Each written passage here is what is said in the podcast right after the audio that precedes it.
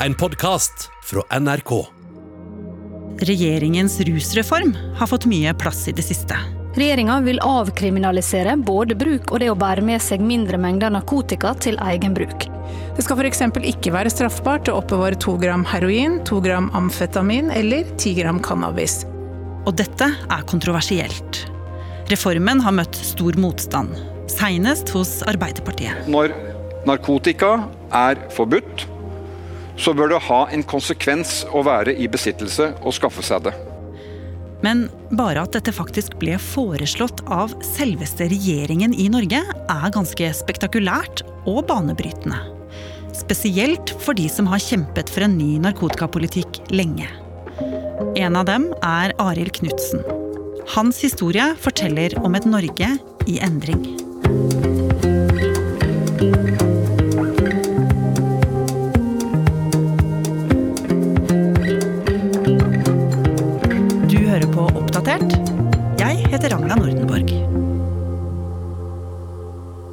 Arild Knutsen, du er leder i Foreningen for human narkotikapolitikk.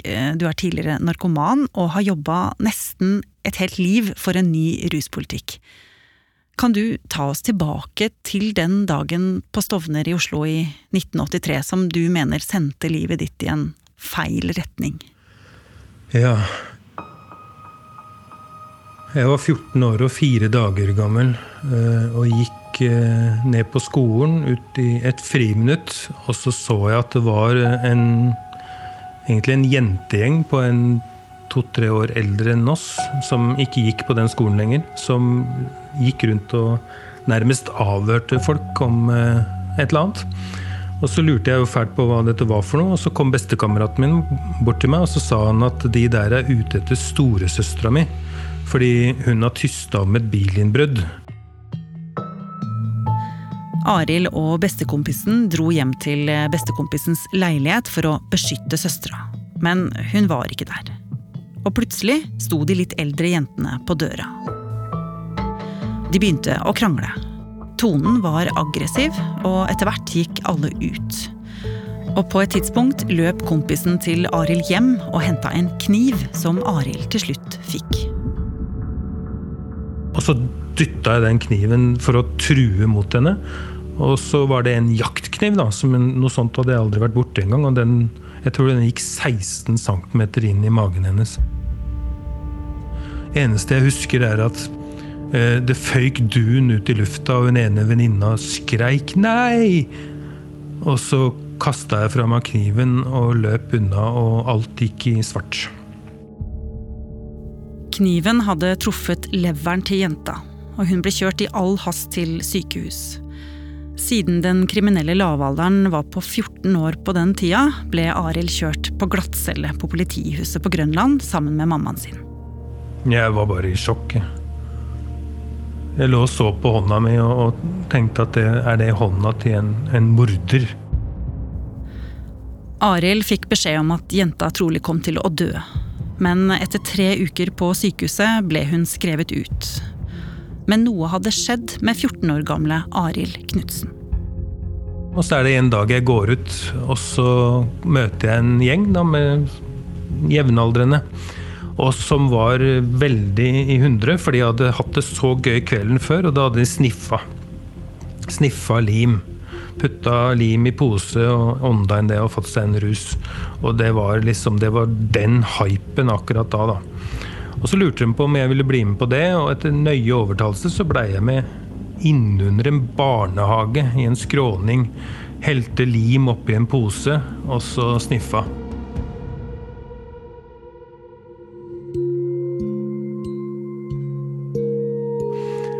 For meg så var det jo det første friminuttet fra det mentale helvete jeg levde i.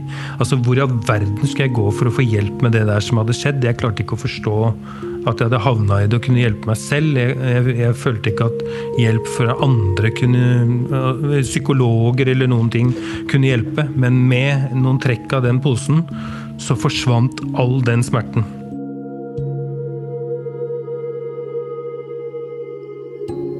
Han gjorde det igjen og igjen og igjen. Og etter et par år ble han introdusert for hasj. Men da merket Arild at han hadde kryssa en grense, forteller han. Med hasjrøykinga begynte folk å se på ham på en annen måte. Folk på kjøpesenteret, foreldrene til vennene hans og politiet som begynte å stoppe ham.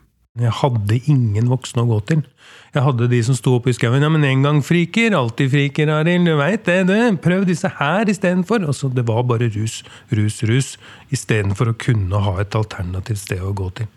Alle alternative sosiale aktiviteter og miljøer ble jeg utestengt fra fordi jeg brukte rusmidler. Det er ikke forebygging, det er å generere overforbruk. Men kunne du ikke bare da ha tenkt sånn, da dropper jeg cannabis? Jeg var jo rusavhengig, og ikke bare nok med det, men jeg hadde jo så psykiske vansker da, at det, det veide mye, mye mer. Det betydde så mye mer, og det er jo instinktivt. Mm. Altså, jeg hadde det jo helt forferdelig. Jeg har gjort en fæl ting, så det er ikke for å fremstille meg som offer, som jeg måtte, men jeg hadde det så vondt at uten den lindringen så var ikke livet utholdelig. Arild forteller han ikke turte å gå til noen for å få hjelp, og etter hvert så begynte han med sterkere piller og amfetamin. Og livet gikk eh, så dårlig at han havna på Karl Johan og satt på gata og tagg uten noe sted å bo. Og etter flere år på kjøret ble han lagt inn på rusbehandling. Og da var jeg 21 år. Og Da var du på rock bottom, holdt jeg på å si. Da var det, da var det mørkt. Der var det ganske mørkt, ja. Mm. På denne tida bodde Arild i et Norge der narkotikalovbrudd ble hardt straffet. Og mange politikere ropte på mer politi i gatene og enda strengere straffer. Et narkotikafritt samfunn var målet til regjeringen da.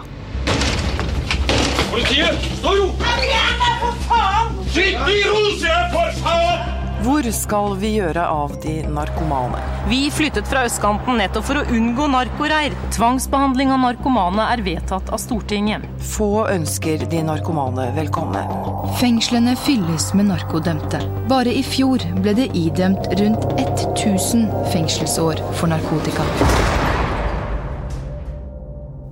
Arild kom seg litt på beina etter hvert.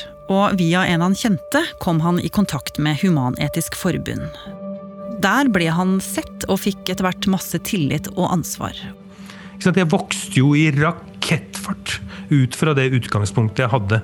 Og nede i kjelleren på Humanismens hus så hadde jeg en svær pose med piller som var rosa, blå, hvite, beige, alle farger. Og, og røyka ganske mye cannabis. Og da, da, trengte jeg jo ikke det lenger, for jeg fikk jo en stimuli. Jeg fikk jo meningsfylde. Jeg fikk tro på framtiden. Jeg fikk alt jeg ikke hadde fra før. Men selv om han kom seg ut av det, så satt jo masse venner og bekjente igjen i et liv med jag og rus. Og han la òg merke til hvilke holdninger som fantes der ute. Hvordan f.eks. enkelte naboer kunne snakke om rusavhengige, at de like gjerne kunne vært skutt. Og Arild ville gjerne gjøre noe med dette. Og plutselig skulle det skje noe som skulle få det norske folk til å snakke om narkomane og misbruk på en ny måte. God kveld. Onsdag kveld 24.10.2001 kunne alle som satt hjemme i sofaen og så på Rikets tilstand på TV 2, se en av landets mest innflytelsesrike og mektige familier avsløre det nesten ingen trodde var mulig.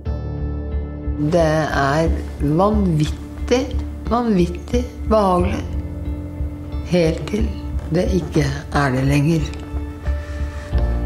Og da er det tilsvarende jævlig, ikke sant? Ninni Stoltenberg, lillesøstera til selveste Jens Stoltenberg, var narkoman. Jens som nettopp hadde vært statsminister for Arbeiderpartiet. Og faren deres, Torvald, var diplomat og tidligere utenriksminister. Nå satt han og fortalte til TV 2 om hvordan han i årevis hadde løpt rundt i Oslo og leita etter dattera si. Jeg føler jo at det er det eneste sykdom som er forbudt. Og, og, og, nå setter jeg litt på spissen. Jeg er klar over at jurister vil fortelle meg at det, det er ikke forbudt å være syk, men det er forbudt å ha noe i lomma å bli syk med. Men eh, jeg tror nok det korteste og enkleste måten å karakterisere situasjonen på, at det er en forbudt sykdom. Ninni Stoltenberg skrev i avisen at Norge trengte en ny ruspolitikk. Rusavhengighet var en sykdom og burde behandles i helsevesenet, ikke av politi og domstol. Og Arild Knutsen ble imponert og tok kontakt med henne. Og snart ble Ninni og Thorvald hans gode hjelpere, og han deres. Arild og meningsfellene hans fikk vind i seilene. Portugal took a different course. They decriminalized drugs, all drugs, for personal use. Regjeringen har bestemt at det skal bli lettere for narkomane å få metadon. I dag ble landets første og eneste sprøyterom offisielt åpnet i Tollbugata i Oslo. Og hvor man da kan sette seg ned. Her får man utdelt injiserende utstyr, sprøyter og kanyler og sånn. Men mange var skeptiske. Å tilrettelegge for at folk skulle bruke heroin, det var ikke samfunnets oppgave, mente de. Men det mente Arild at det var, og like etter starta han Foreningen for human narkotikapolitikk. Han delte ut brukerutstyr til narkomane og holdt foredrag. Og i 2008 tromma han inn foran Stortinget med en haug av rusbrukere på slep.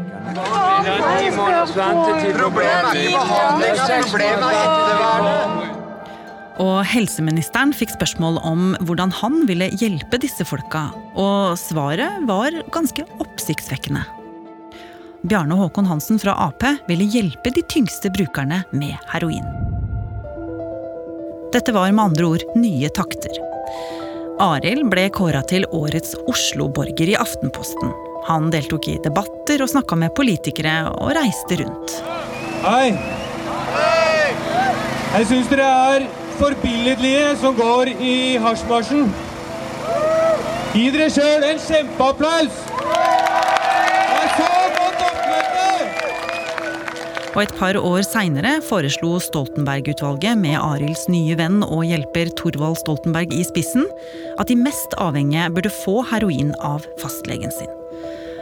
Men mange politikere var negative. At staten skulle hjelpe rusavhengige, det var de fleste enige om. Men at staten skulle dele ut narkotika og bidra til en brutal narkoindustri, det syntes mange var helt absurd. Og heroinforslagene gikk ikke igjennom. Men selv om Arild møtte motstand, hadde han mange med seg i kampen.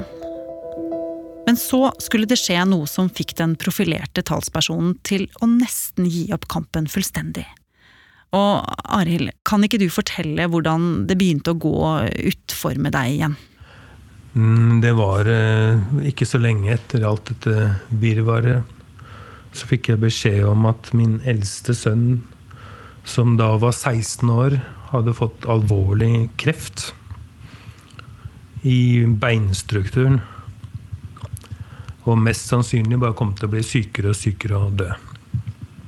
Jeg bare husker at det prega meg fryktelig hardt. Så jeg jobba hardere og hardere for å prøve å skyve de følelsene til side. Og så røyka jeg vel mer og mer cannabis om kveldene for å dempe de følelsene. Og så gikk ting på tverke, særlig etter at han døde, da. Og etter rundt 17 år uten noe særlig rus, sprakk det etter hvert fullstendig. Da gikk det litt over styr med mengde jobb og mer og mer rusbruk. Og det endte med at i desember 2012 så kom jeg til meg sjøl etter noen dager i jula. Og da hadde jeg sittet med sprøyta armen og brukt masse amfetamin og spist masse piller, drukket en del alkohol og røyka veldig mye cannabis. Og var helt ja, lamslått sjuk. Og hva var det som egentlig skjedde da, etter det, med deg? Nei, da var jeg en profilert leder av en rusorganisasjon. Veldig mye media, veldig mye oppdrag. Men uh, sklei lenger og lenger ned i tung rusavhengighet. Men Arild fortsatte å jobbe. I en TV-debatt hos Ole Torp i mai 2014 sto han og holdt seg fast i bordet i frykt for å dette i gulvet. Fra før så har vi en demonisering av alt som kalles narkotika på den ene siden, og så er alkohol veldig glemt. og Skal du forebygge bruk av disse stoffene, så må du også forebygge alkoholbruk blant de unge. For det er selvsagt når man har drukket og er på fest at man kan bli eksponert for det. Arild hadde ikke sovet på en uke og var på full amfetaminnedtur. Og så, det samme året, sommeren 2014, døde Ninni Stoltenberg, som hadde vært så viktig for ham i arbeidet med en ny ruspolitikk. Han eh, forsøkte en stund å jobbe videre, men nå begynte livet virkelig å butte. Han mista fly, holdt rotete foredrag og hadde det rett og slett ikke bra. Til slutt havna han på avvenning i Bergen, men eh, det tok ikke lang tid før han mistet håpet. En dag gikk han ut i fellesrommet på klinikken, fant en PC og logga seg på Facebook. Og skrev at nå var det slutt. Før han logga seg ut.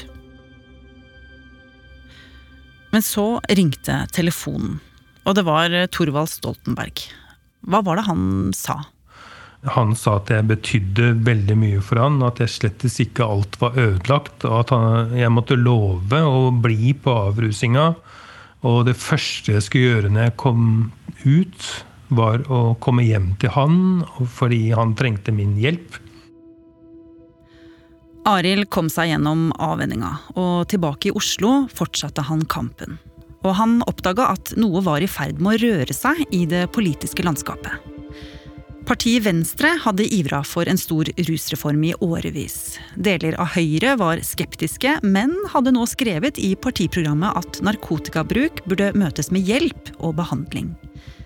Og da Venstre ble med i regjering med Høyre og Frp, var rusreform et av partiets viktigste krav, og partiene ble enige om å lage en ny rusreform. Og 2. mars 2020 var Arild Knutsen invitert til Østerrikes hovedstad Wien og satt i salen hos FNs narkotikakommisjon. På scenen fortalte helseminister Bent Høie at den norske regjeringen ville innføre en helt ny ruspolitikk.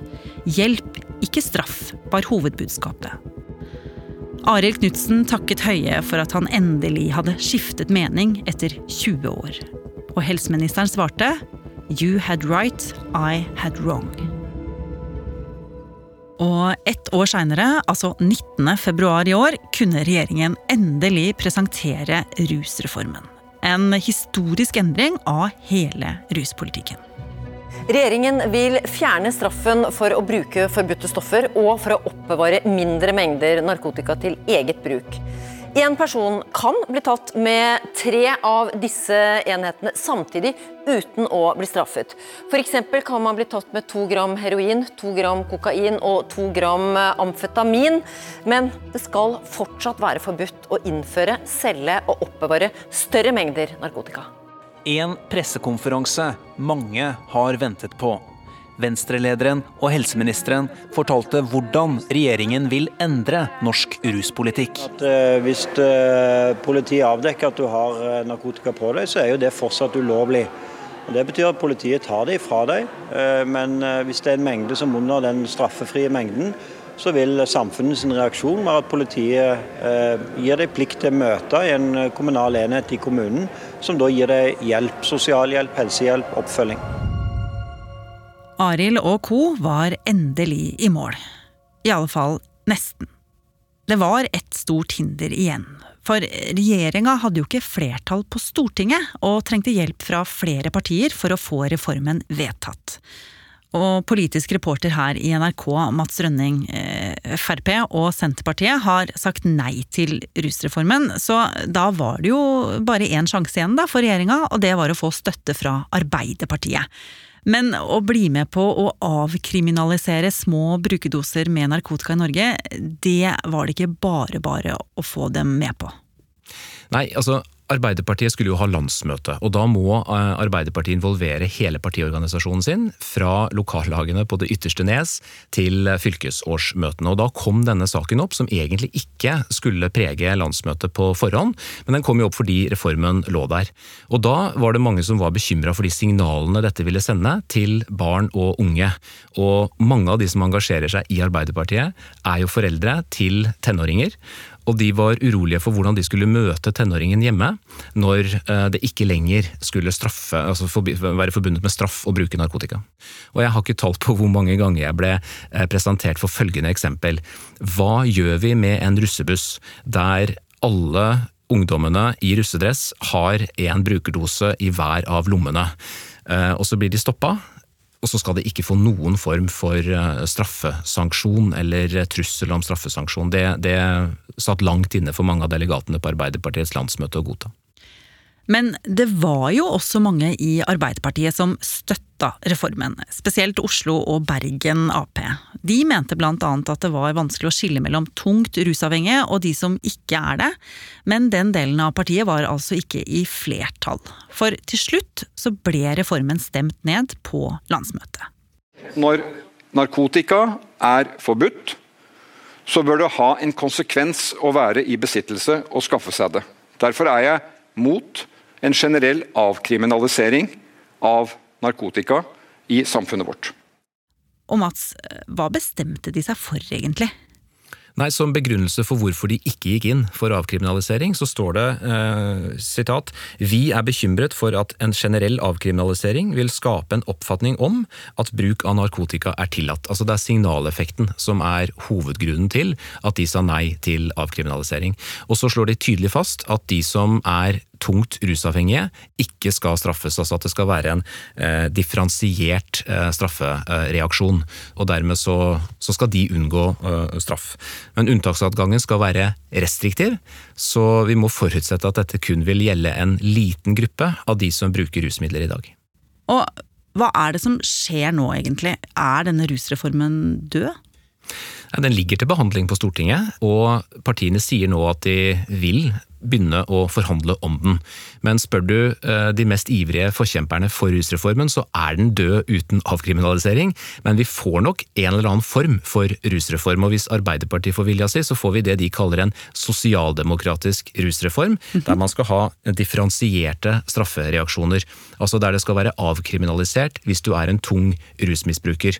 Og da ligger jo på en måte bevisbyrden litt hos Arbeiderpartiet, for det er de som har sagt at dette er mulig å få til. Mange eh, eksperter mener det er eh, sterkt problematisk å drive og skille mellom straff på den måten.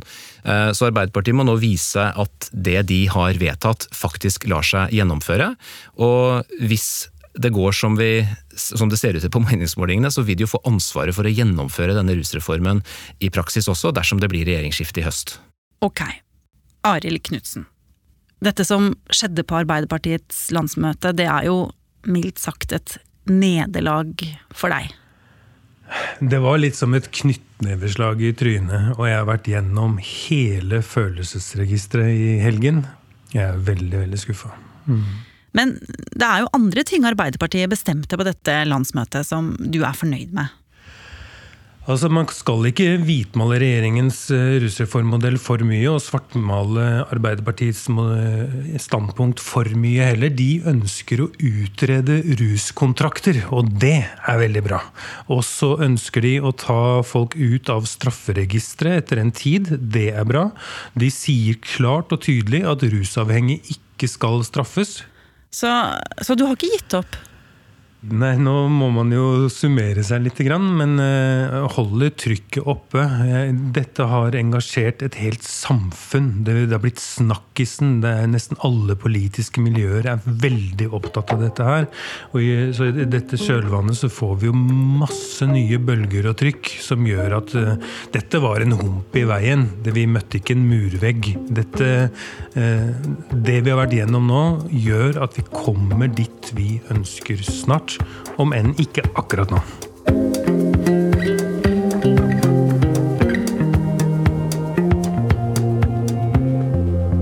Har du lyst til å bli fast lytter av oss i Oppdatert og få påminnelse om nye episoder, er det bare å følge oss i NRK radioappen. Og så er det veldig hyggelig hvis du vil anbefale oss til en venn. Oppdatert er en podkast fra NRK Nyheter, og denne episoden er laget av Irina Kjelle, Pål Gauslå Sivertsen Andreas Berge og meg, Ragna Nordenborg. Eva Midthun Leira er redaksjonssjef. Vil du kontakte oss, gjør gjerne det på oppdatert krøllalfa nrk.no. Du har hørt en podkast fra NRK. Hør flere podkaster og din favorittkanal i appen NRK Radio.